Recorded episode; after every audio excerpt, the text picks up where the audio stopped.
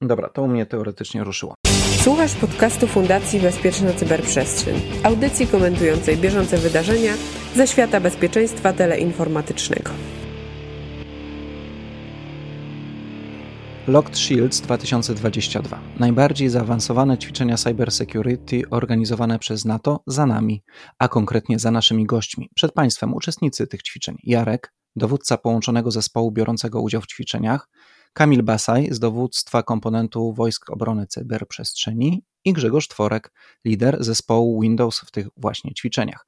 Ja nazywam się Łukasz Jachowicz, a słuchasz 220 epizodu podcastu CyberCyber. Panowie, na stronie NASKU czytam. Zakończyły się ćwiczenia Locked Shields 2022. W tegorocznej edycji brało udział ponad 2000 uczestników z 32 krajów, odpowiadających za około 5,5 tysiąca systemów lub urządzeń poddawanych ponad 8 tysiącom ataków. Dodatkowo jest tu informacja, że polsko-litewski zespół zajął drugie miejsce. Gratuluję. I jak sięgam do swoich notatek z, dotyczących poprzedniej edycji ćwiczeń, to mam tu informację, że reprezentowano o 10 państw mniej, atakowanych systemów było pół tysiąca mniej, ataków było 4 tysiące mniej, no i że to wtedy były największe ćwiczenia tego typu. To całkiem spora różnica. Na miejscu też to było widać? Ćwiczenia rosną, e, zespoły rosną, liczba uczestników rośnie.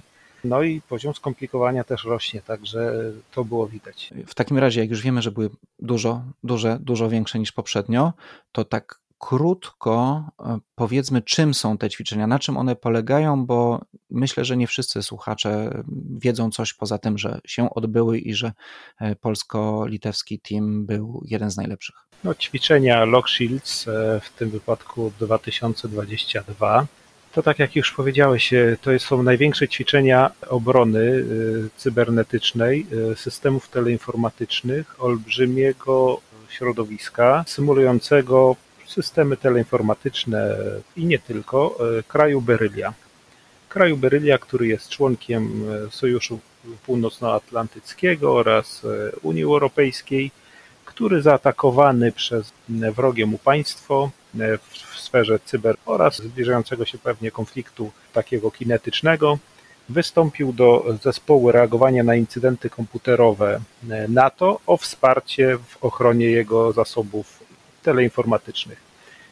Zespół taki natowski Rapid Reaction Team został e, przygotowany i wysłany na miejsce celem wsparcia działań informatyków, którzy, którzy bronią Beryli i są w tych systemach. Z tym, że praktycznie e, nasz zespół RRT wchodzi, tak jakby przejmując e, kontrolę nad całymi systemami teleinformatycznymi tego państwa. No i jak to w państwie jest bardzo dużo różnego rodzaju systemów, łącznie z systemem bankowym, z systemami pracy dla wojska, systemami takimi typowo militarnymi jak e, sieć radarowa, jak systemy przeciwlotnicze, jak systemy satelitarne, jak systemy takie cywilne już e, uzdatniania wody, utrzymania zaopatrzenia w energię elektryczną. No całe państwo takie w pigułce, które trzeba e, poznać bardzo szybko, wejść na miejsce, prawie że z marszu przejąć kontrolę, odzyskać, bo sieć jest całkowicie przejęta przez adwersarza, jest tam, on y, uzyskał tam pełną persystencję, to on tą siecią zarządza tym, tymi wszystkimi systemami i systemami y, typowo Windowsowymi, Linuxowymi, sieciowymi, skado, skadowymi, a nasze zadanie to jest po prostu go stamtąd wygonić i zrobić swoje porządki. Wygląda na spore przedsięwzięcie, nie tylko logistyczne, bo, bo was było dużo, a, a jak to wyglądało, jeżeli chodzi o ten polsko-litewski zespół? Bo byliście grupą ludzi, która, nie wiem, znała się wcześniej, współpracowaliście wcześniej. Jak, jak w ogóle przygotowania do czegoś takiego wyglądały? Przygotowania w tym roku były bardzo możliwe, bo zazwyczaj zaczynają się tak na początku roku, w tym w tym roku z różnych przyczyn zaczęły się one bardzo późno, bo w lutym to jest już naprawdę mało czasu, to krytycznie mało czasu. No i dodatkowo jeszcze mieliśmy zespół łączony, czyli e, był e, komponent polski, e, gdzie my już Bardzo dobrze się znamy tutaj, przecież Grzesiek jest już kolejny raz uczestnikiem. Liderzy poszczególnych pozostałych zespołów, które wchodziły w skład mm, naszego teamu, również y, wielokrotnie brali już udział y, w ćwiczeniu. Kamil też jest już doświadczonym uczestnikiem Lockshielda, ale zawsze stawiamy też na świeżą krew i, i, i młodość i było bardzo dużo osób, które brały pierwszy raz udział. Dodatkowo mieliśmy jeszcze e, podzespół z Litwy. No i tutaj, jak się można łatwo domyśleć, jest problem z odległością, z językiem, który mamy przecież inny, trzeba było przejść na angielski we wszystkich ustaleniach, skoordynować inne sposoby pracy, czasami nawet inne myślenie, inne podejście do zagadnień. Także zespół musiał się narodzić znowu, znowu. W tamtym roku walczyliśmy razem z Amerykanami, byliśmy w zespole i też zespół trzeba było zbudować od nowa. I w tym roku to samo. Dlatego zespół taki międzynarodowy to jest zawsze olbrzymie i dodatkowe wyzwanie, o wiele trudniejsze, podwójna, a może nawet i potrójna robota, żeby to się zgrało. Nie ma tego komfortu e, jednolitego, narodowego, pojedynczego teamu który po prostu jest już zgrany, codziennie ze sobą pracuje, jest zawodowy. My tutaj budujemy ten team zawsze od nowa. Grześku, bo Jarek był dowódcą tego zespołu ogólnego, więc podejrzewam, że na nim spoczywała zupełnie inne obowiązki i nadpowiedzialność, a ty byłeś liderem zespołu Windows. Jednego z technicznych zespołów po prostu, bo tych zespołów było parę. Wydaje mi się, że ze względu na to, że systemów Windows jest najwięcej, że tak powiem, na sztuki, to, to i zespół naj, najbardziej liczny, ale pracujemy zespołami skupieni na swoich rzeczach. Są zespoły takie czysto techniczne, odrębny zespół sieciowy, odrębny zespół systemów e, przemysłowych typu SCADA, odrębny zespół zajmujący się systemami Unixowymi, takimi typowymi desktopowo-pecetowymi Unixami. E, zespół Windows właśnie, e, zespół odpowiedzialny za aplikacje już w wyższej warstwie pilnujący, żeby aplikacje działały, bo to co Jarek powiedział, że tak naprawdę próbujemy wygonić tych złych, to jest oczywiście prawda i to jest e, jedno z naszych zadań. Natomiast równocześnie absolutnie krytycznym zadaniem i to i w scenariuszu ćwiczenia, i w punktacji za to, no bo na końcu to jest gra, gdzie e, jeżeli mamy wygrać, to musimy być lepsi niż inni. E, krytyczne poza wygonieniem tych złych jest utrzymanie działania usług, bo to nie jest tak, że mm, wyłączamy wszystko i komputer po komputerze czyścimy i sprawdzamy, komu się lepiej udało wyczyścić. Nie, elektrownia ma dostarczać prąd, wodociągi mają dostarczać wodę, e, radary mają kontrolować przestrzeń powietrzną i tak dalej, i tak dalej. To wszystko musi działać i to robimy w biegu. No i techniczne zespoły robią to, co do nich należy właśnie w technicznych działkach. Jak to w ogóle wygląda logistycznie? Czy to polega na tym, że nie wiem, jest kilka były 32 zespoły, to czy były 30, e, przepraszam, 32 e, państwa reprezentowane, czyli zespołów. E, Trochę mniej. Wszystkie zespoły były takie dwupaństwowe, czy były takie więcej? Nie, nie, były 24 zespoły. Okej, okay. no to mamy 24 zespoły i czy te 24 zespoły pracują próbując ochronić ten sam zestaw serwerów, czy każdy z waszych zespołów miał e, osobny, identyczny zestaw elektrownia plus e, bank plus e, nie wiem, coś do, do ochrony? Każdy zespół miał swoje środowisko. Identyczne. I czy to środowisko było na bieżąco atakowane, czy wy dostaliście już, już było zainfekowane i później już Red Team tam nie działał? Było i zainfekowane, i Red Team działał. Czy, czyli mieliście wszyscy bardzo podobną sytuację i, i za co się punkty dostawało? Od strony czysto technicznej, e, może ja zacznę. E, Jarek powie, jak to wyglądało na poziomie e, całego zespołu i tych bardziej ogólnych rzeczy, ale utrzymanie działania usług plus obsługa bieżąca użytkowników, nazwijmy to biznesowych, to znaczy w tych systemach pracują użytkownicy w banku realizowane są przelewy, w wodociągach wystawiane są faktury, przychodzą maile, na które trzeba odpowiedzieć i tak dalej. Ci użytkownicy muszą móc zrobić swoje. Poza tym mają swoje problemy zasymulowane w pewien sposób. Nie działa mi Outlook i trzeba ich problem rozwiązać. I za sposób i czas rozwiązania są punkty. Za faktyczne działanie, niedziałanie usług są punkty. Za udane ataki Red Teamu są punkty. Jedne na plus, inne na minus, to już jak ten scoring działa. Za dostępność systemów, to jest cały złożony system, też nie do końca, że tak powiem, jawny dla użytkowników, dla e, uczestników, jak oceniana jest dostępność, bo wydawałoby się najprościej się odciąć, naprawiać sobie, otwierając jeden adres IP na firewallu i wyczyścić wszystko, co się da, tylko w tym momencie system przestanie móc komunikować się z internetem, internet przestanie móc się komunikować z systemem, no i system będzie oznaczony jako niedostępny i będzie punkty karne wywoływał. Także punkty tak naprawdę mamy za jak najlepsze działanie systemu w biegu plus za powstrzymywanie ataków. Jeszcze jak przeglądałem informacje o, o, o zawodach, to były też jakiś zespół prawny. Co on na przykład robił? Zespół prawny był odpowiedzialny za zajmowanie e, stanowiska e, dla zespołu, który prowadził działania strategiczne, czyli był jeszcze zespół stratkomowy i decyzje, które musiał podejmować w zakresie mm, określonych form przeciwdziałania, czy decyzje formalne, musiały mieć podstawę prawną. No i za znalezienie, za wyjaśnienie i dobranie odpowiednich podstaw prawnych odpowiadał właśnie zespół prawny i z tego tytułu również był punktowany. Czyli to nie było wyłącznie ćwiczenie techniczne, tylko właściwie bardzo wszechstronne. Tak, podobnie jak w kwestii przestrzeni informacyjnej, dlatego że cały scenariusz ćwiczenia odbywa się w pewnym środowisku politycznym, e, informacyjnym. Ćwiczeniom towarzyszy scenariusz medialny, to jest pewien stan zastały, który opisuje e, sytuację e, w, no, na, tej wyspie Berylie, Beryli, o której Jarek wspominał. Ta sytuacja ma charakter e, wewnętrzny, zewnętrzny, czyli taki, który jest związany z aktywnością aktora, który prowadzi działania wymierzone w bezpieczeństwo Beryli.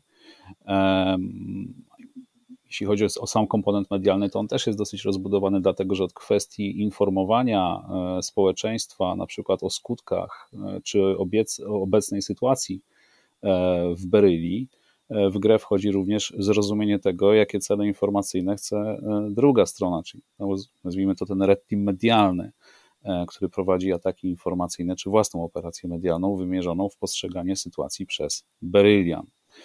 E, tych wątków oczywiście jest bardzo wiele, natomiast pamiętajmy o tym, że każde działanie na infrastrukturę, która była broniona przez nasz Blue Team, hipotetycznie, w sytuacji, w której ta, ta obrona wiązałaby się z niepowodzeniem, wywoływałaby skutki w domenie fizycznej dla społeczeństwa, związane z niedostępnością usług, czy, czy, czy chociażby z jakimiś zagrożeniami biologicznymi czy chemicznymi w przypadku na przykład uszkodzenia czy, czy, czy dysfunkcji w oczyszczalni e, wody. E, to również jest zadanie zespołu medialnego odpowiednio poinformować, ograniczać emocje, nie doprowadzać do wybuchu paniki, oraz na bieżąco reagować na wszystkie próby e, uzyskania przewagi w tej przestrzeni medialnej przez przeciwnika. Jarku, ty jako dowódca e, połączonego zespołu, e, rozumiem, że byłeś nad wszystkimi liderami zespołów, którzy, którzy, które brały udział w tych ćwiczeniach. Dobrze to rozumiem? Tak, tak. I słuchaj, sprawa nie jest jeszcze tak prosta, jak, jak by się wydawało z tego, co powiedzieliśmy, bo tu jest jeszcze e, bardzo dużo rzeczy, których e, nie dopowiedzieliśmy e, i postaram się Wam to wszystko przybliżyć. Przede wszystkim wchodzimy w, tako, w taki system nie tylko teleinformatyczny, nie tylko telekomunikacyjny, nie tylko te, w tej, tej sferze technicznej My wchodzimy tam jako pełnoprawny, działający w, w operacji zespół, który zajmuje się e, przywróceniem tego systemu do działania. I jako dowódca takiego zespołu muszę dysponować pewnymi zdolnościami. I teraz tak, jak, jak tu już powiedzieliśmy, w technicznym, czyli Linux, Windowsy, sieciówka, e, skadowe systemy, E, monitoring centralny, żeby te systemy nam logowały te zdarzenia, żebyśmy widzieli, e, co się dzieje, systemy cyberbezpieczeństwa. Do tego dochodzi teraz jeszcze cała otoczka, która musi wspierać te działania techniczne i od nich uzyskiwać informacje. I tu powołany został pełnoprawny, w 100% działający CESIRT, reagujący na incydenty komputerowe, który uzyskiwał informacje o zdarzeniach w systemach, o E, o incydentach, reagował na te incydenty. Następnie e, sztab, który zbierał całą, e, cały obraz połączony, taki Common Operation Picture, który raportował te zdarzenia do wyższych instancji i było to również oceniane. Dowódca był wspierany przez działania obszaru CTI, który rozpoznawał zagrożenia w systemach teleinformatycznych na bieżąco i kreował wizję rozwoju tych zagrożeń. I również szedł taki raport kilkukrotnie w ciągu ćwiczenia i był oceniany. Do tego działania w obszarze prawnym, czyli wszelkiego rodzaju injekty, wszelkiego rodzaju zagadnienia. Dowódca musiał mieć jasną sytuację prawną, czy podejmuje właściwe decyzje i czy, czy jego działanie nie, nie wiąże się z narażeniem na odpowiedzialność karną. E, więc e, te decyzje musiały być również e, zbieżne. Dodatkowo prowadzony był działanie trzeciej linii wsparcia, takiej klasycznej, czyli typowo forensikowe działanie i CTF był rozgrywany, również oceniany i panowie też tam w tym CTF-ie brali udział nasi specjaliści. Dodatkowo to wszystko jeszcze musiało być przez sztab zbierane, wspierane medialnie przez działania Kamila w sferze informacyjnej, czyli nasza e, narracja musiała być zbieżna. E, także państwo w pigułce. Naprawdę świetne ćwiczenia e, pod względem dla dowódcy, dla technicznych, dla nietechnicznych. No wspaniała rzecz, to, tego się nie zapomina i każdy, kto brał udział w Lockshieldzie wraca zmęczony, odchodzi, mówi, że a może w przyszłym roku nie, ale wraca jak po prostu jak bumerang do tego ćwiczenia, bo to jest czegoś takiego nie idzie przeżyć, y, y, chyba że rzeczywiście w prawdziwej operacji na żywo. Słuchaj, bo ja sobie tak wyobrażam, że jak trwa wojna informacyjna i jakieś państwo zostało na tyle mocno zaatakowane, że wezwało pomoc zewnętrzną, to trudno mi sobie wyobrazić sytuację, kiedy prawnicy ci mówią stanowcze nie, jeżeli działasz w, w, w kwestiach nie wiem, technicznych możesz się podzielić przykładem, kiedy, kiedy przyszli i powiedzieli, wiesz co, tego nie powinniśmy robić? No są różnego rodzaju e, e, zagadnienia w obszarze prawnym i na przykład e, czy my możemy stosować aktywn, aktywną obronę na przykład. Zastanówmy się. Czy my mhm. już, czy my możemy na przykład atakować przeciwnika? E, czy e, jeżeli zdarzyły się satelity, e, bo nie został wykonany manewr korekcji trajektorii lotu tego satelity, to które z państw jest odpowiedzialne za to zdarzenie? Czy jeżeli na przykład mamy atak i, widzimy mm, atrybucję no, skierowaną na, na przeciwnika, czyli na tą Krymsonię, która, która atakuje Berylię, to czy możemy już mówić o pełnoskalowym konflikcie?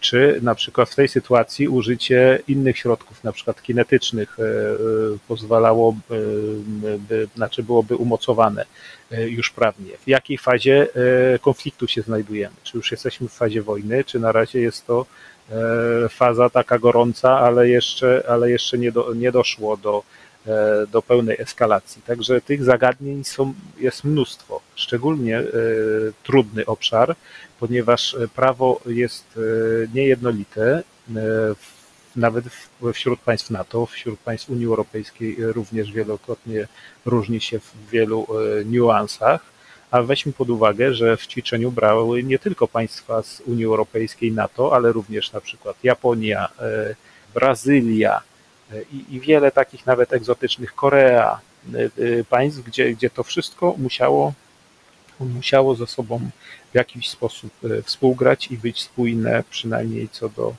celów i sposobu działania zespołu reagowania. A jak wygląda autonomiczność zespołów i proces podejmowania decyzji? Bo rozumiem, że przejście na decyzja o broni kinetycznej to już jest raczej na Twoim poziomie, a w którym momencie się kończy na przykład y, zakres y, kompetencji, dajmy na to Grzegorza, i trzeba już eskalować piętro wyżej? W którym momencie kończy się samodzielność pojedynczego bezpiecznika i musi eskalować wyżej? Z mojego punktu widzenia patrząc, e, ta autonomiczność w zespołach jest bardzo duża. To znaczy, na takiej e, technicznej płaszczyźnie niemalże nie ma z wyższego dowództwa jak to wygląda dla technicznego, to powiem wtrącania się, bo tak to wygląda z perspektywy kogoś, kto właśnie jest zakopany w jakimś systemie i go próbuje obronić i utrzymać przy działaniu. natomiast są pewne rzeczy, których nie widzimy, na przykład związane z e, dostępnością środowiska jako całości, na przykład związane z jakimiś wyjątkowymi sytuacjami, z pewnymi problemami związanymi, na przykład w tym roku w ćwiczeniu był problem e, z czasem e, reakcji tego zespołu symulującego działania użytkowników końcowych i, i to do nas bezpośrednio jako technicznego zespołu może nie docierać. I wtedy z takimi informacjami, że coś się dzieje, przychodzi do nas dowództwo. Oczywiście przychodzi po raporty, patrzy, czy, czy sobie radzimy. Natomiast, żeby ktoś z dowództwa nam powiedział, że mamy coś zrobić inaczej niż robiliśmy do tej pory, to raczej się nie zdarza. To już są sytuacje mocno dramatyczne. No, w przypadku działań informacyjnych tutaj przede wszystkim realizujemy cele dowódcy i wspieramy, e, wspieramy te cele, które chce osiągnąć. E, tak więc jest pewien perymetr zaufania, który e, jest związany z postawionym zadaniem i jeżeli zespół wie, jak to zadanie wykonywać, to tutaj dowództwo w zasadzie nie ingeruje tak, do momentu wymeldowania, że zadanie zostało wykonane. Natomiast są obszary oczywiście, które mm, są na bieżąco z przestrzeni medialnej, może tak z zespołu medialnego kierowane do oceny dowództwa, no bo to jest wprost proporcjonalne do poziomu detekcji zdarzeń, które widzimy. Na przykład, mm, żeby posłużyć się przykładem, jesteśmy w czasie ćwiczenia identyfikujemy tak próbę na przykład wywołania paniki w społeczeństwie, czy próbę wywołania zamieszek. To są informacje, które pozyskujemy z tego środowiska ćwiczebnego, ale musimy je dowództwu wyraportować, jak również zaproponować możliwe formuły przeciwdziałania. W przypadku e, zgody podejmujemy działanie. Kolejnym elementem są aspekty aktywnej obrony, no bo to nie tylko kontrola przestrzeni informacyjnej Beryli wchodzi w grę, ale również działania dywersyjne w przestrzeni informacyjnej, czyli e, w pewnym sensie wiązanie sił i środków e, Red Teamu informacyjnego w zasadzie na jego podwórku w taki sposób, aby E, wymusić na nich e, zaangażowanie zespołu do obsługi naszych scenariuszy ofensywnych e, i jednocześnie zyskać więcej przestrzeni w kontroli tej przestrzeni informacyjnej w Bryli. Ale wszystko oczywiście wyłącznie w oparciu o decyzję dowództwa. Tutaj chciałem też uzupełnić jeszcze, że ten czas na przygotowanie, na zgranie sobie zespołu, na nauczenie go, jak on ma walczyć, E, jest e, wcześniej, w czasie przygotowań. Kiedy wchodzimy już do walki, e, nikt nie będzie nikomu mówił, naciśnij ten przycisk, zrób taki wpis w rejestrze. To już musimy być zgrani. Tu już nie ma miejsca na, na tak niskopoziomowe dowodzenie zespołem. Te zdolności uzyskujemy na etapie zgrywania. Gdy, gdy już przychodzi do realnych działań, dowódca, lider podzespołu dostaje dużą autonomię, ale oczywiście zawsze w zakresie realizacji celów stawianych w ćwiczeniu, bieżących zagrożeń wykrytych w ćwiczeniu, e, problemów, e, które spływają do dowódcy i reagowania na te rzeczy, które się dzieją w środowisku i e, są niepokojące i trzeba rzeczywiście dać feedback jakiś z powrotem do, do zespołu technicznego. No i tutaj ta współpraca myślę w tym roku była bardzo dobra. Ja muszę tu trochę chłopaków pochwalić, im to nie wypada mi jako dowódcy trochę bardziej e, wypada, ale mm, e, no, drugie miejsce na świecie e, i to naprawdę minimalną liczbą punktów.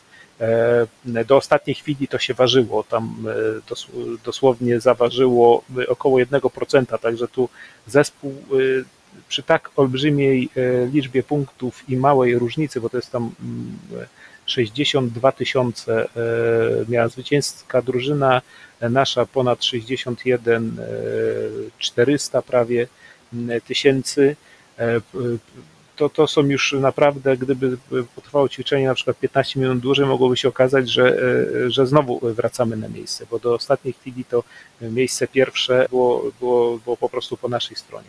Także tu to już tylko na, naprawdę zbieg okoliczności spowodował, że, że taka różnica no, zadecydowała o, o tej końcowej punktacji, ale to naprawdę zespół e, Powiem Wam e, z doświadczenia, gdy już ruszaliśmy i ten zespół zaczął się zgrywać, czułem moc, moc naprawdę, moc tego zespołu, widziałem na co ich stać e, i powiedziałem to już od razu, panowie, idziemy po pudło, to jest minimum, panowie i panie, idziemy po pudło a walczymy o pierwsze miejsce. I to naprawdę pierwsze miejsce ja nie czuję, żebyśmy przegrali. Pierwsze miejsce, ta różnica jest po prostu wręcz na poziomie losowym błędu statystycznego.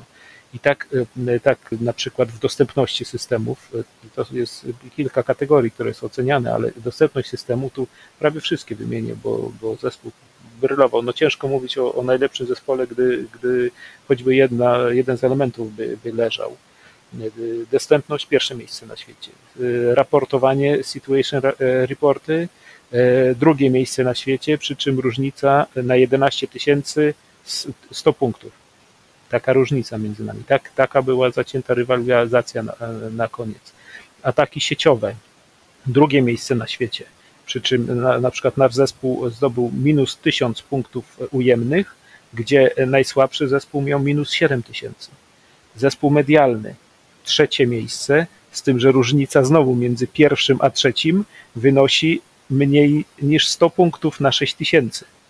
E, czyli znowu, to jest, to jest już statystyczny błąd, już tu wchodzi w grę, bo to, jest, to, to musi być pomierzone. Ataki client-side, tam gdzie Grzesiu walczył, to głównie, głównie w tych elementach było, bo to Windowsy tam e, te, te client-side ataki przyjmowały, minus 2000 punktów, gdzie najsłabszy wynik minus 10 tysięcy. Trzecie miejsce e, na świecie i znowu minimalne różnice między pierwszymi zespołami.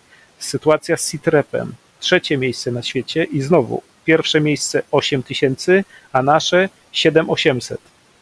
To już na, o włos e, i tak dalej. Forensik, czołówka. No to, to już jest ten poziom różnicy w wynikach, że, że człowiek się nie cieszy ze zwycięstwa, tylko przez tydzień nie może spać, zastanawiając się, gdzie ten jeszcze te 100 punktów mógł grać oj długo musiałem to rozchodzić, e, to wszystko.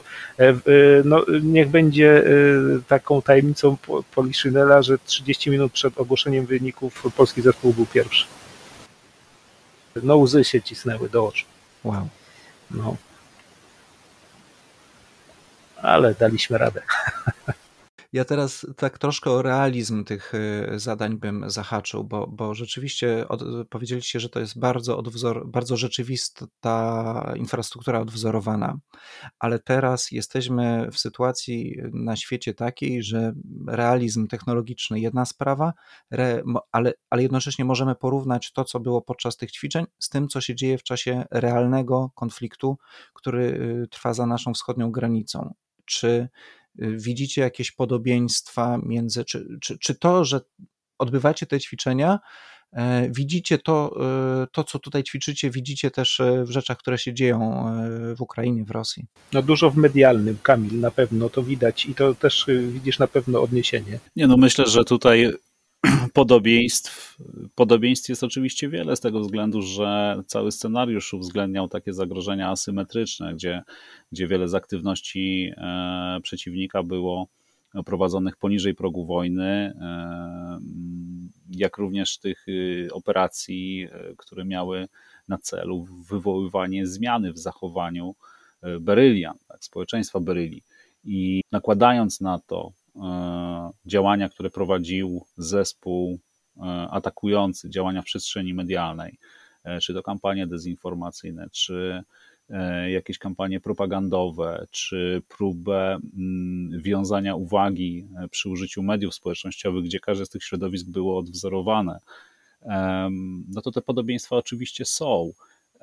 To, co jest wspaniałe w tych ćwiczeniach, to też zachowanie pewnej pewnej potężnej dynamiki, dynamiki, która wciąga, dynamiki, która wyzwala adrenalinę dla zespołów, które zawodowo pracują przy e, obsłudze, obsłudze incydentów informacyjnych, no to wiele z tych sytuacji pokrywa się również z dynamiką róż, róż, różnych zdarzeń w rzeczywistości. Natomiast e, to, co ja zawsze zapamiętuję z tych ćwiczeń, chociaż to tak jak Jarek powiedział, one przez te parę dni potrafią bardzo zmęczyć, ale to zmęczenie jest naprawdę bardzo satysfakcjonujące, bo ilość wyzwań na godzinę, jaka stoi przed zespołem, jest naprawdę duża. I ta satysfakcja y, wynikająca z tego, że się te zadania zrealizowało, e, nie pozostawiło się pola do działania przeciwnikowi, naprawdę jest e, no, niezastąpiona tak naprawdę. To jest, to jest największa przyjemność w tym wszystkim. Od takiej strony czysto technicznej, na tym najniższym technicznym poziomie, już takim operacyjno-administracyjno-bezpiecznikowym, jeżeli chodzi o realizm, to powiem tak, mając doświadczenie z obsługą incydentów faktycznie, gdzie atak przebiegał, gdzie dane były czy szyfrowane, czy wyprowadzane z organizacji, uważam, że poza ćwiczeniem Locked Shields, poza manewrami Locked Shields, nie istnieje nic zbliżonego do incydentów, wytwarzającego taką presję, jak jest w czasie incydentów, wytwarzającego faktycznie tą atmosferę, że z kimś walczymy. Może porównywalne z tym byłyby CTF-y, takie najbardziej zaawansowane, ale to dramatycznie inna rola, ale poziom skupienia, poziom skoncentrowania. To wszyscy mówią przed lokcicami, każdy myśli, że to e, opowiadanie bajek, a potem się okazuje na żywo, że naprawdę dosłownie na szybkim wybieraniu e, jedzenie na dowóz i zapas wody w zasięgu ręki, bo nie ma kiedy wstać się napić. Nie mówiąc o, o zrobieniu sobie jakiejś dłuższej przerwy. Ten poziom realizmu takiego otoczki dookoła technologii jest niewiarygodnie wysoki i bardzo podobny do tego, co się dzieje w faktycznych atakach. No tutaj taką anegdotę e, kolega nam właśnie też opowiadał z, z tym przygotowaniem do, do ćwiczenia, przygotował sobie kanapki e, tam na śniadanie i o godzinie 17 zorientował się, że nawet ich e, nie tknął. Także tak to wygląda. To, to, żeby odejść od komputera, to nikt nawet o tym nie myśli. My posiłki z, mamy przywożone, załatwiane specjalnie i jemy też w taki sposób, że, że odchodzi część zespołu, bierze ten posiłek, wraca do, do, do, na stanowisko, je i następuje dopiero zmiana. To do tego stopnia jest ćwiczenie realne. To jest jak, jak chirurg przy operacji. Od tego stołu nie można odejść. To jest koniec, to jest już po, po ćwiczeniu, nie ma o czym w ogóle mówić. Czyli krew, pot, głód i łzy. I wielka radość i przyjemność. Jak w takim razie, nie wiem, jak, jak są wybierani członkowie zespołów? Skąd oni się biorą? No to jest zawsze trudna sprawa, chociaż y, zespół jest już dobrze mm, ogranym. Mm, tych liderów mamy zawsze już dobrze sprawdzonych do ćwiczenia. Y, zdarzają się y, zmiany, bo, bo ludzie też z różnych przyczyn nie mogą realizować zadań na przykład. I, i takie pojedyncze zmiany się na, na, na tych kierunkach zdarzają. Ale co do zasady, zespół jest już przygotowany doświadczeniem z lat ubiegłych. I teraz do tego zespołu dokładamy jeszcze specjalistów. Oczywiście trafić do zespołu Lockshield nie jest prosto. To musi być rekomendacja. Zazwyczaj ja bardzo polegam też na liderach i, i ich zdaniu jeżeli y, y, członek, y, kandydat do, nowy do zespołu chce dołączyć, to to też nie jest taka prosta sprawa. Przychodzi, patrzy, wielu nie daje rady, odchodzi od zespołu po prostu, bo intensywność przygotowań jest, jest olbrzymia. No nie oszukujmy się, te wszystkie przygotowania są realizowane naszym e, czasem, e, kosztem czasu naszego prywatnego E, taki Lockshield to jest dla mnie tak, taki wehikuł czasu. Jak wsiadam do niego w, nie wiem, w styczniu, w lutym, to budzę się w maju. Naprawdę, to, nie ma żadnej tutaj y, przesady w tym. Wszystkie takie rzeczy, nawet codziennego życia prywatnego, bardzo często schodzą gdzieś, y, muszą poczekać na bok. Taki to, taka to jest intensywność y, samych przygotowań, a później samego ćwiczenia i realizacji celów, które sobie obraliśmy. Korzystając z tego, że, że dwóch z Was jest związanych z wojskiem, to zawsze mi w czasie rozmów o, o cyberbezpieczeństwie y, w sytuacji konfliktu dostaję pytania, jak Polska jest gotowa do udziału w infowojnie. I czy Waszym zdaniem te zespoły, które są stworzone na potrzeby Locked Shields, no akurat tegorocznego również, to są te same zespoły, które potencjalnie możecie zaangażować w przypadku wystąpienia rzeczywistego konfliktu na naszym terenie, czy jednak y, ta cała konstrukcja wojskowa jest skonstruowana tak, że no niestety cywilom wstęp zbroniony i będziecie ograniczeni wyłącznie do członków, nie wiem, Wojsk Obrony Cyberprzestrzeni czy, czy, czy y, oddziału cyber e, WOT-u. E, tu sprawa e, bardzo fajnie wygląda. bo to, co my tutaj robimy, to nie tylko, no ktoś mógł powiedzieć, poszli chłopaki, pograli, pobawili się w Lockshieldsy e, i fajnie. No nie. My budujemy krajowy system cyberbezpieczeństwa.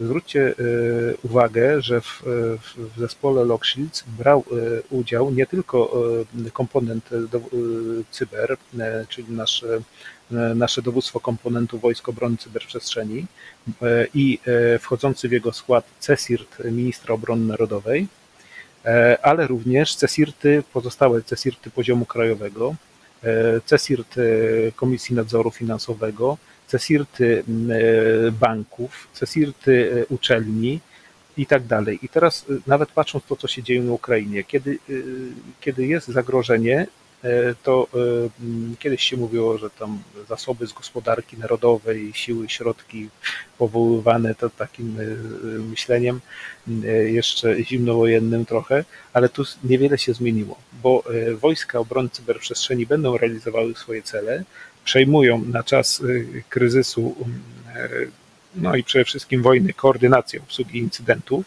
ale w, w sytuacji takiej y, kryzysowej, taki zespół szybkiego reagowania, to naprawdę będzie sporo ludzi. I te doświadczenia tutaj zabrane pozwolą budować poszczególne zespoły do reagowania na, na jakieś konkretne już zagrożenia, czy to e, w obszarze komunikacji, e, czy to w obszarze transportu, czy to w, w, przy innych e,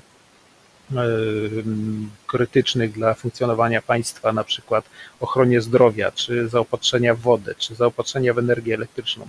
Te wszystkie elementy i doświadczenia zebrane tutaj podczas ćwiczenia z pewnością przyniosłyby bardzo dobre efekty, gdybyśmy musieli, mam nadzieję, nigdy do tego nie dojdzie, ale żołnierz się zawsze przygotowuje na, na ten najgorszy scenariusz, e, dałyby naprawdę bardzo dobry efekt e, i wzmocniły nasz kraj e, na, na, i dało mu, dały mu odporność na, na te zagrożenia z cyberprzestrzeni kierowane przez, przez adwersarza czy przeciwnika.